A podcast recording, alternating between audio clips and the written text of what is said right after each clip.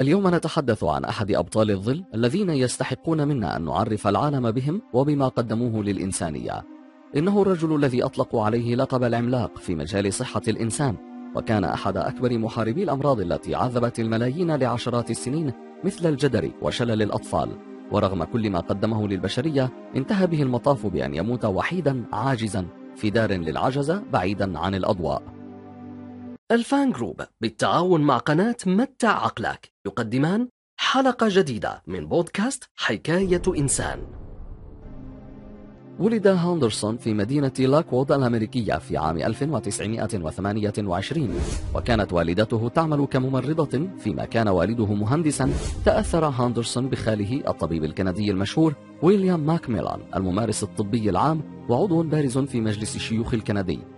حصل هاندرسون على شهادته الجامعية في عام 1950 كما حصل على شهادة الماجستير في عام 1954 من كلية الطب بجامعة روتشستر ونجح في الحصول على زمالة جامعية وإقامة دائمة في مستشفى ماري إيموغيني باسيت.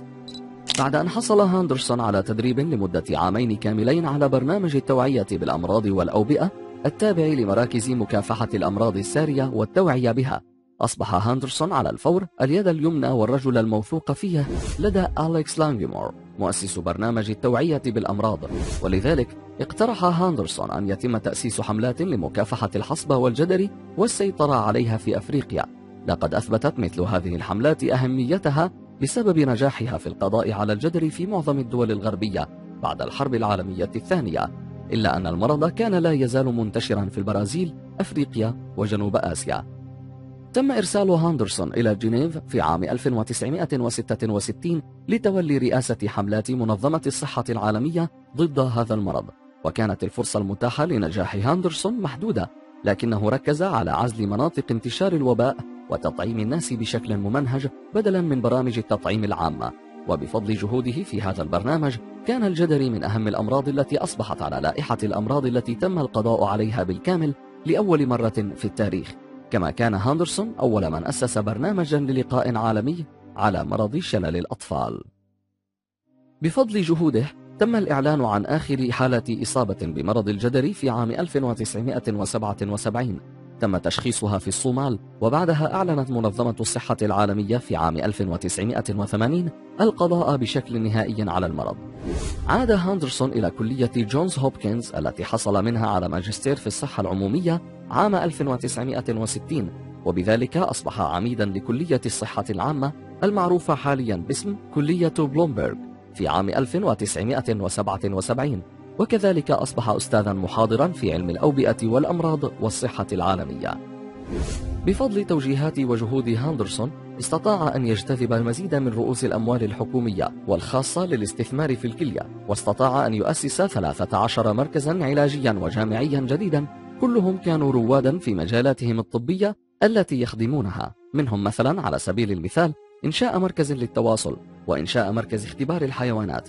وكذلك إنشاء مركز أبحاث الوقاية مراكز التحصين والوقاية ومراكز الوقاية من الإصابات والجروح والأمراض. ولم ينسى هاندرسون في كل ذلك العدل والمساواة والدفاع عن حقوق المرأة الأمر الذي جعله يقبل بتعيين امرأة في منصب قيادي داخل الكلية.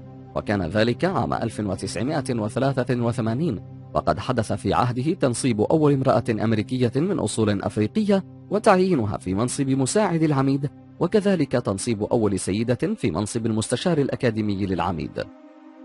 وبعد أن استقال هاندرسون من منصب عميد الكلية قام بتحويل نفسه إلى متحدث رسمي يقوم بتوعية الآخرين عن الصحة العامة.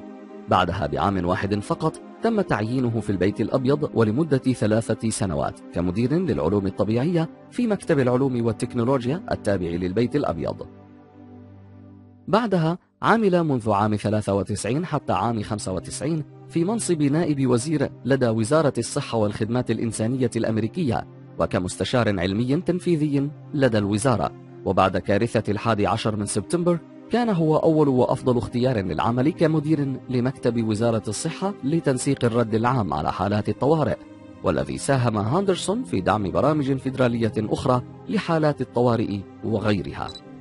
نال هاندرسون العديد من الأوسمة تقديرا لجهوده المتنوعة منها مثلا وسام الحرية من الرئيس الأمريكي والوسام الوطني للعلوم وجائزة الأمير ماهيدول ملك تايلاند في مجال الصحة العامة. كما حصل هاندرسون على جائزة لاسكر نيابة عن منظمة الصحة العالمية تقديرا لجهوده في القضاء على الجدري هذا الطبيب الماهر الذي قضى عشر سنين من حياته في القضاء على الجدري في جميع أنحاء العالم كما أنشأ برامج تطعيم دولية للأطفال كما لعب دورا أساسيا في استثارة إنشاء برامج وطنية للصحة العامة تهدف للتأهب في حالات الهجمات والكوارث البيولوجية وباحث متميز في مركز جامعة بيتسبورغ الطبي لشؤون الأمن الصحي. انتهى به الأمر إلى العيش في دار للمسنين حتى توفي في التاسع عشر من أغسطس عام 2016 من مضاعفات كسر عظام الفخذ في أحد دور العجزة بمدينة تاوسون في جنازته قال عنه أحد زملائه أنه كان طبيبا رائعا استطاع أن يحافظ على الصحة العامة للناس ويساهم في نشر وعيهم تجاه بعض الأمراض كما ساهم في القضاء على بعض الأمراض مثل وباء الإنفلونزا. كما كانت له جهود ملحوظة في تولي حملة منظمة الصحة العالمية للقضاء على وباء الجدري ولهذا فقد كان الجميع متأكدا أنهم قد فقدوا بطلا حقيقيا لطالما ساهم في توعية الناس حول صحتهم العامة وكيفية الحفاظ عليها. إلى اللقاء وحلقة جديدة من حكاية إنسان.